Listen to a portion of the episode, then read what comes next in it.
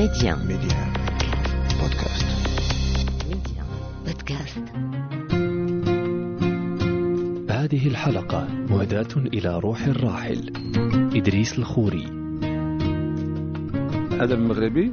بدأ آه، يفرض نفسه في المنطقة العربية عبر آه، منشورات كتب مجامع روايات كتب فكرية سياسية مثل كتب العروي مثل كثير من من, الأدباء المغاربة. بالنسبة لي أنا لا أقول أنني يساري بمفهوم ال- المباشر للكلمة ولكن يساري في في طبعي في سلوكي في ثقافتي في ميلي السياسي إلى اليسار. ورغم أنني لست زاعما ولا أحمل راية اليسار على كتفي مثل بقية الرفاق الآخرين. ولد عام 39 900 وألف بمدينة الدار البيضاء وتوفي في الرابع عشر من فبراير عام 2022 عن سن تناهز الثالثة والثمانين. هو الكاتب والصحفي إدريس الخوري الذي كتب القصة والمقالة بأسلوبه الخاص والمتفرد وبحس إنساني وإبداعي استثنائي وخدم الثقافة والصحافة والأدب المغربي على مدى عقود طويلة. في القلب اعتماد سلام. نتذكر الراحل إدريس الخوري اليوم بحضور الصحفي المغربي الكبير الأستاذ محمد العلمي ينضم إلينا من الولايات المتحدة الأمريكية. أستاذ محمد أهلا وسهلا بك معنا عبر ميديا وسعيدة بوجودك معنا اليوم. شكرا جزيلا وأنا أسعد بهذه الدعوة الكريمة. شكرا لك. وأرحب أيضا بالكاتب والناقد الكبير الدكتور نجيب العوفي. أستاذ نجيب أهلا وسهلا بك وسعيدة بوجودك معنا اليوم عبر ميديا. أهلا بك. أستاذ اعتماد مرحبا بك شكرا لك. أستاذ محمد أنت عرفت آه، إدريس الخوري أو بدرس عن قرب. آه، ما سر تميز تلك الشخصية الاستثنائية سواء على المستوى الإنساني أو الإبداعي؟ بالفعل أختي اعتماد آه، شخصية استثنائية بكل المقاييس سواء آه، انسانيا مهم. وربما القاسم المشترك بين الشخصيتين الإبداعية والعادية الإنسانية هي ال- التصالح مع الذات والصدق للجذور. بادريس وعلى عكس الكثير من مجاهديه بقي وفيا لجذوره ولوسطه الشعبي الذي آه، نشأ فيه. واستمد منه أيضا مادته آه، الفكرية وأصبح لا يحس بذاته إن صح التعبير إلا وسط هؤلاء وكانوا يبادلونه الحب يعني رأيت من خلال معاينتي خلال الثلاثين سنة الماضية آه، في العلاقة مع المرحوم. أن نادرا ما ندخل لمطعم أو مقهى ولا يرحب به الناس أو أطلع معه في تاكسي مثلا ويتعرف عليه السائق وفي معظم الأحيان آه، يرفض أن يأخذ مقابل آه، الأجرة. مهم. يعني بقي متصالحا مع ذاته ومع وسطه وحتى حينما كنا نلتقي صدفة أحيانا في بعض الفنادق المصنفة أو في بعض الأماكن الفاخرة أو شبه الفاخرة كان يصر على الانتقال. إلى أماكن قريبة من الوسط الذي يعيش فيه. ويتنفس فيه إن صح التعبير نعم. أستاذ نجيب كما آه، قال آه، ضيفنا الأستاذ محمد العلمي بدرس كان صادقا ومتصالحا مع ذاته ومع جذوره على عكس الكثيرين. وأنت كتبت في مقال مؤثر جدا نعيته فيه. قلت إن الصفة الجميلة والأصيلة الأساسية التي اتسمت بها شخصية إدريس الخوري هي البصمة المغربية كيف كان بدرس الإنسان أو الشخص برأيك؟ مرة أخرى أحييك الأستاذة اعتماد وأحيي المستمعين الكرام وتشكرين على هذا الاهتمام الجميل آه، برموز أدبنا وثقافتنا الراحلين. الشكر لك. وفاء الخلف للسلف. دريس الخوري أو بدريس. كما سارت بذكره الركبان هو اسم فريد متميز في المشهد الأدبي المغربي الحديث. نعم. صاحب بصمة خاصة في هذا المشهد وله مذاق أدبي حريف وحار. بالمعنى الفصيح والعامي معا. آه وصفته آه عقب رحيله مباشرة بعاصفة أدبية هبت على مشهدنا الأدبي وحركت سواكنه وتوابته مهم. على مدى ستة عقود وهو نعم. كذلك بحق هو كاتب صدامي لا يعرف المجاملة والمداهنة مهم. كاتب أصيل آه، عفوي تلقائي مهم. ولهذا أثار من حوله آه، زوابع وحساسيات كاتب النميمة الأدبية حسب تعبيره الشهير حيث كان يعتبر القصة والرواية نميمة أدبية إبداعية. نعم. وفعلا هو رأي التحرش الأدبي غير منازع. في رأيي يبتدئ شغبه وتحرشه مع إسمه الفريد. صحيح. من إدريس إدريس. القص إلى إدريس الخوري تماما. لهذا الاسم آه، إذا سمحت مهم. آه، أستاذ اعتماد آه،. حكاية تستحق أن تحكى نعم ونحن نريد أن نسمعها آه، إدريس آه، هو طبعا ابن درب غلف بالدار البيضاء. ابن الفضاء المغربي الشعبي ال- الحديث اسمه الحقيقي آه، دريس القص وهو اسم مغربي قح بعد التحاقه بجريدة العالم في آه، ستينيات ال- القرن الماضي. بفضل قيدوم الكتاب والصحفيين المغاربة المرحوم عبد الجبار السحيمي مهم. بعد التحاقه بالعالم غير طبعا اسمه الحقيقي. قبل إذن يعني في في في خطواته الأولى آه، غير اسمه الحقيقي باسم ادبي هو الخوري نتيجة قراءاته ومطالعاته الشرقية وبخاصة في الأدب اللبناني والشامي حيث ينتشر اسم الخوري. نعم. وطبعا ك- الخوري آه، صفة أو رتبة في الإكليروس المسيحي صحيح. كما هو معروف صحيح وقد آه، نبهه حينما كان يكتب في جريدة العالم نبهه ال- ال- الفقيد آه، عبد الكريم غلاب بإعادة ما حكى لنا من آه، الزعيم علال الفاسي. ليغير اسمه المسيحي الذي لا يلائم طبعا الفضاء ال- المغربي نعم فبدأ ينشر مذكراته وكتابته باسم جديد وهو إدريس الداودي. لكن سرعان ما عاد إلى اسمه الأخير وهو آه، الخوري مهم. وبالمناسبة فقد كانت آه، مذكرات آه، تحت الشمس التي يكتبها ضمن مذكرات العالم التي كانت تنشر في الصفحة الأخيرة لكبار الكتاب المغاربة عبد الكريم غلاب عبد المجيد بن جلون. محمد السرغيني مصطفى الصباغ مهم. إلى آخره نعم كانت هذه المذكرات مشاكسة وسائرة في الاتجاه المعاكس أتذكر هنا. أن في إحدى مذكراته كتب منتقدا آه، كوكب الشرق أم كلثوم نعم وكان عنوان تلك المذكرة امرأة تساعد على تبليد الذهن مما جر عليه آه، ردود فعل آه، منتقدة. مختلفة من. طرفي المثقفين والقراء على السواء إدريس الخوري اشتهر بضحكته العالية في المجالس. ولواذع انتقاداته لكنه في العمق والطوية هو إنسان فائق الحساسية والحزن. وقد كانت آه، أول مجموعة قصصية له بعنوان حزن في الرأس وفي القلب نعم. والإنسان طبعا بلا حزن ذكر إنسان كما. قال آه، نزار نزار قباني قباني نعم. وقد ترك رحيله طبعا حزنا في الرأس وفي القلب. آه، مؤكد. نعم. أستاذ محمد العلمي آه، بالحديث دائما عن الجانب الإنساني لبادريس هو كان كاتب الجميع مختلف الشرائح تقريبا. هو كان قريبا منها كان صديقا للجميع. كان كما وصفه الأستاذ أحمد المديني بكاتب المعذبين. هذا القرب من الجميع آه، ربما كان أيضا من بين أسرار هذه الشخصية بالفعل والدليل على ذلك الوفاء كما كتب القاص العظيم آه، الصديق الرائع آه، أحمد بوصفور في مرسية مؤثرة. جدا صحيح أن بادريس كان مثقفا في الأدب في الصحافة في الموسيقى في التشكيل في المسرح لكنه لم يمتص الثقافة ولم يجعلها وسيلة للصعود الاجتماعي آه، لم يشتري فيلا على البحر ولم مهم.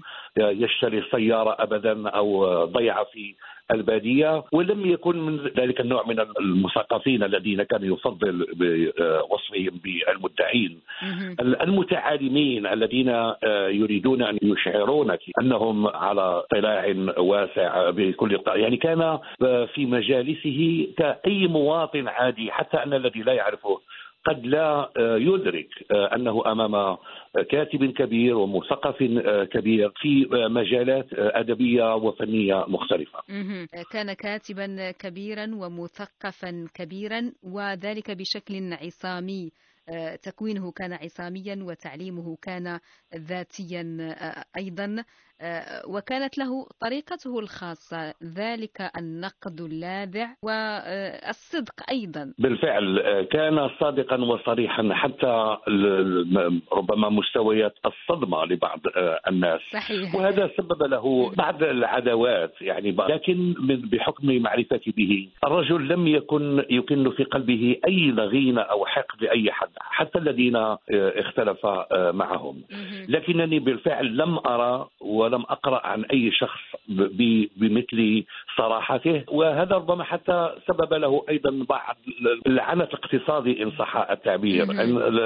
بادريس عاش ومات فقيرا لكنه بقي وفيا لتلك الصراحة وتلك المبادئ لأنه كان متصالحا مع ذاته إلى حد بعيد ولم آه، ينافق آه، جهازا أو حاول التقرب من مصادر ثروة أو سلطة من أجل آه، البروز آه، في المجتمع، يعني كان وفيا لذلك الخط سواء في علاقاته الأدبية أو الإنسانية صريحا مع الجميع كما قلت وإن كان قد كلفه ذلك بعض الصداقات على مر السنين. نعم لم يكن من طالبي المجد الدنيوي ابدا. طيب دكتور نجيب العوفي طبعا أنت علاقتك به تمتد إلى سنوات وكنت شاهدا على محطات مختلفة سواء من مساره الصحفي أو مساره الأدبي. وأيضا لمست ثقافته وعصاميته التي ميزته. وقليلا ما نجد كاتبا بجودته عصاميا. نعم. كانت الانطلاقة الأولى والكتابة الأولى للخوري في طلائع الستينيات من القرن الفارغ على أعمدة جريدة صوت المغرب. هذه الجريدة تقريبا مكتنزة الحجم تقرب أن تكون مجلة. كانت تصدر أسبوعيا عن الإذاعة الوطنية بالرباط. وعبر هذه الجريدة كانت علاقتي الأولى غير المباشرة بالخوري. كان يكتب فيها الخوري. وفي هذه الجريدة بالضبط في طلائع 1963 نشرت أول محاولة قصصية لي بعنوان نهاية حب. من المفارقة أن هذه النهاية كانت بداية فضولي وإرسالي الأدبي. كانت بداية حب لك. طبعا نهاية حب أصبحت بداية حب لكلمتي وللأدب وللقراء لك أيضا أستاذ نجيب. نعم. فهذا طريف إن آه، ادريس الخوري في العدد الموالي بعد أن قرأ هذه القصة كتب نقدا حول ادب الشباب الناشئ. وقد كان الخوري آنئذ ناشئا أيضا. واستقى فقرة من قصة حيث نعت لغتها هكذا بالمنفلوطية هذه الصفة بالنسبة إلي شرف لا أدعيه. كانت بداية علاقتي الأدبية بالخوري. إذا آه، صدامية في فترة مبكرة وظلت هذه الصدامية الجميلة تحكم علاقتنا وصداقتنا طويلة. نعم. والاختلاف كما يقال لا, لا يفسد. للود قضية. صحيح. الخوري جاء إلى مشهدنا الأدب المغربي الحديث في فترة تمفصل تاريخي مرحلي بين التقليد والحداثة. بين كتابة مغربية مسكونة بإرث الماضي وكتابة مغربية جديدة ومشاغبة تتلمس طريقها إلى الحداثة. نعم. من هنا يعد بحق أحد المشترعين الشباب الجدد للكتابة الحداثية المغربية سواء على الصعيد الأدبي أو الصحفي. نعم. على منوال قيدوم الصحافة المغربية الحديثة عبد الجبار السحيمي الذي كان الحاضن تاريخي للمواهب والأقلام الجديدة. وقد كانت الصحافة بالضبط آه، المركع الخصب الذي تحرك فيه إدريس الخوري ولمع فيه آه، نجمه نعم. وكانت البصمه المغربية فعلا التي أشرت إليها في مقدمة حديثك الأخت اعتماد. كانت البصمه المغربية هي الوشم الذي يتميز به إدريس الخوري سواء في سمته أو في روحه أو في حركاته وسكناته وفي روحه الأدبية أيضا نعم طيب أستاذ نجيب أنت أيضا قلت إن إدريس الخوري هو قنع بصفة الكاتب المغربي وهنا أريد أن أسألك عن تجربته القصصية تحديدا ما سر تميزها برأيك كناقد الخوري كاتب وفي للقصة القصيرة. لم يشرك بها جنسا أدبيا آخر على غرار الكثيرين من مجايليه مهم. الذين تنقلوا كما تعرفين صحيح. بين الشعر والقصة والرواية. مهم. هو بقي في خندق القصة القصيرة لا يحيد عنها. أخلص لها كل وده وكل عشقه. وهو في ذلك صنو لمجايله أحمد بوزفور ناسك القصة القصيرة المغربية.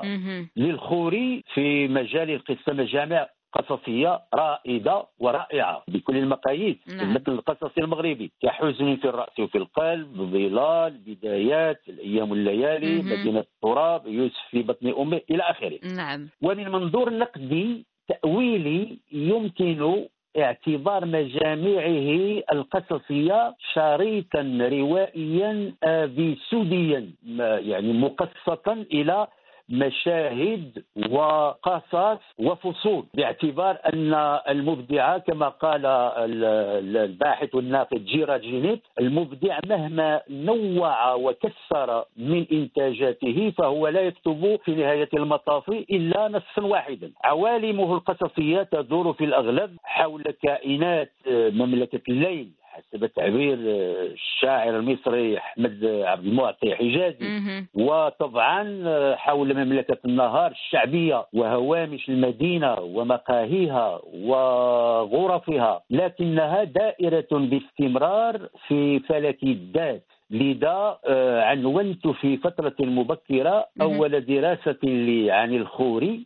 حول مجموعته ال- ال- الأولى حزن في الرأس وفي القلب نعم. بمعزوفات الحزن ذات الصوت الواحد. وكانت هذه القراءة النقدية مما ترك في نفسه الحساسة شيئا مني. نعم. لكن مع ذلك ظلت علاقتنا كما أشرت آنفا موصولة ومتينة. وربما كانت هذه المناوشات الأدبية ملحا لصداقتنا. كتابة الخوري كتابة بلا صنعة أو تصنع كتابة عارية. نعم. حد تعبير عبد الكبير الخطيبي.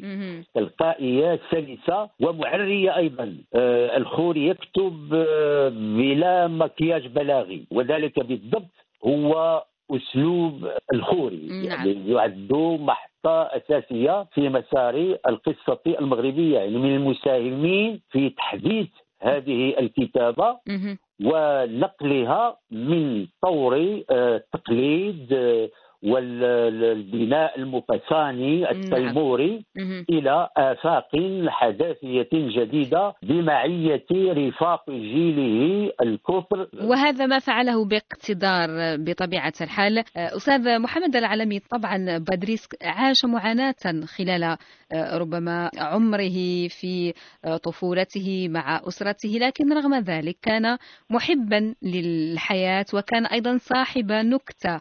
ولا شك لمس ذلك خلال مجالسكما ولقاءاتكما.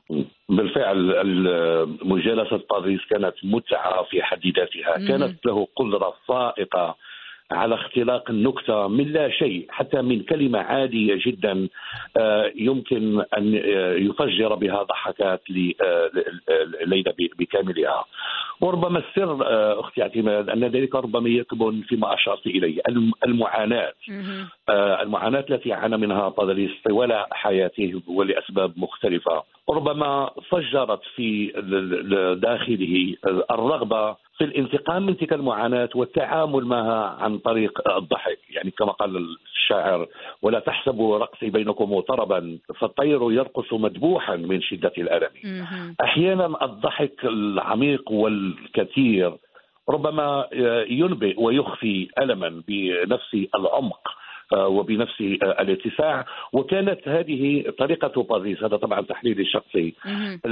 واعية أو لا واعية في آه، التعامل مع هذا التراكم الهائل من المعاناة. نعم. لا أعرف إن كنت أستاذ محمد العلمي تتذكر واحدة من آه، قفشاته ربما معك خلال آه، آخر لقاءاتكما. هي كثيرة كثيرة جدا من أن يذكرها المرة. نعم. لكن أذكر إحداها لكن كانت على حساب بادريس آه، وعلى غير عادته. الله يرحمه. رحمه كنت. أنا وياه والصديق عزيز حسن رايس آه، نتناول الغداء. على هامش آه، أحد معارض آه، الكتاب في الدار البيضاء. وجاء أحدهم ليسلم علي ويقول إنه يذكر المقابلة التي كنت أجريتها مع وزير الداخلية الأسبق إدريس بصر رحمه الله. فبادريس كان غارقا يقرأ آه، صحيفة أو شيء ثم رفع رأسه وقال لي سي محمد هل أجريت المقابلة قبل وفاة البصري أو بعد؟ قلت له بعد وفاته.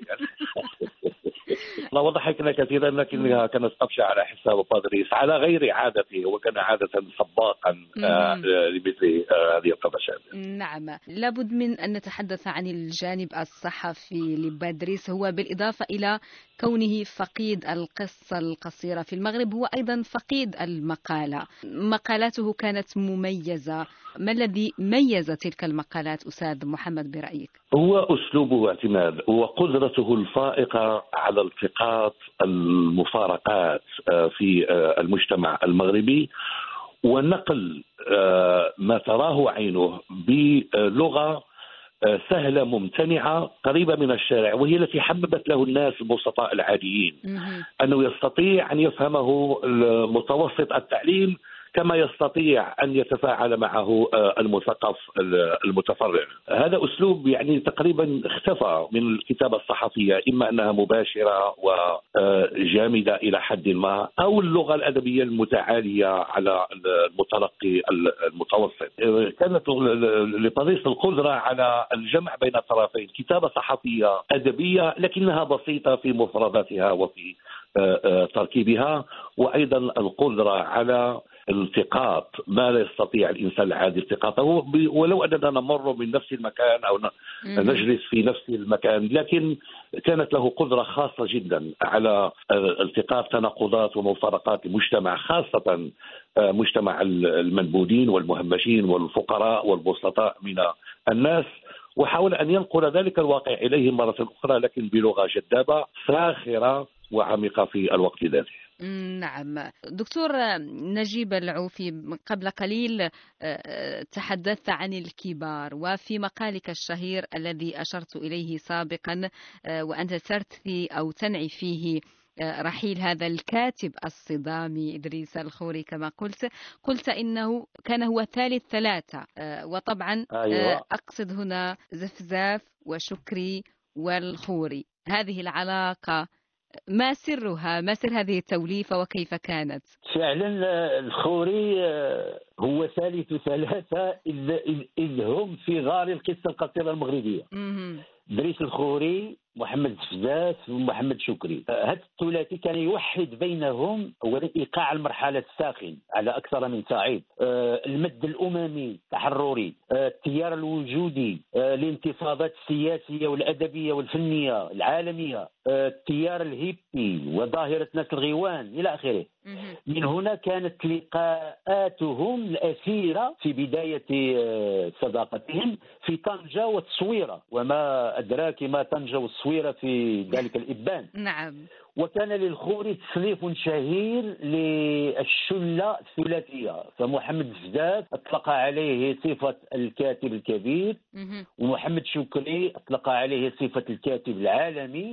وارتضى واقتنع هو بصفة الكاتب المغربي نعم كان هؤلاء يكسرون الحواجز والخطوط الاجتماعية الحمر في. الحياة وفي الأدب ويعيشون حياتهم وأدبهم بكل التلقائية والعفوية والسخونة. والطيور كما يقول المثل نعم. على أشكالها تقع. ومن مع صداقتهم وقواسمهم المشتركة كانت الغيرة والمنافسة الأدبية تسكن دواخلهم نعم. وفي الكتابة والإبداع دائما يتنافس المتنافسون صحيح. وقد ميزتهم تلك الصفة المغربية أو تمغربيت كما نقول. نعم. آم، آه، رحمه الله. ومرة أخرى كل التعازي لابنيه يوسف ومروان ولعائلته. آه، طبعا سيبقى دائما في القلب. آه، وسأطلب منك أستاذ محمد العلمي في ختام هذا اللقاء كلمة إلى روحه إلى بدرس. آه، أفتقده كثيرا اعتماد آه، بالنسبة لمدينة الرباط لم تعد الرباط التي آه، كنت آه، أعرفها وأتطلع لزيارتها للقاء بادريس.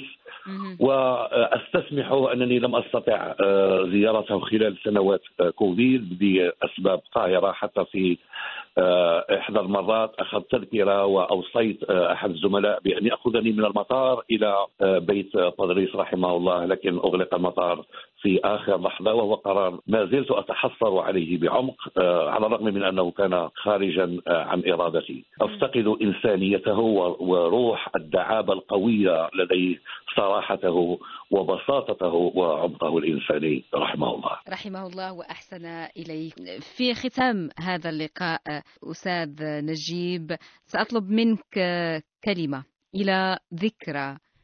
إدريس الخوري أو بدرس تدريس هو غائب وحاضر. لا يموت من ترك إرثا أدبيا.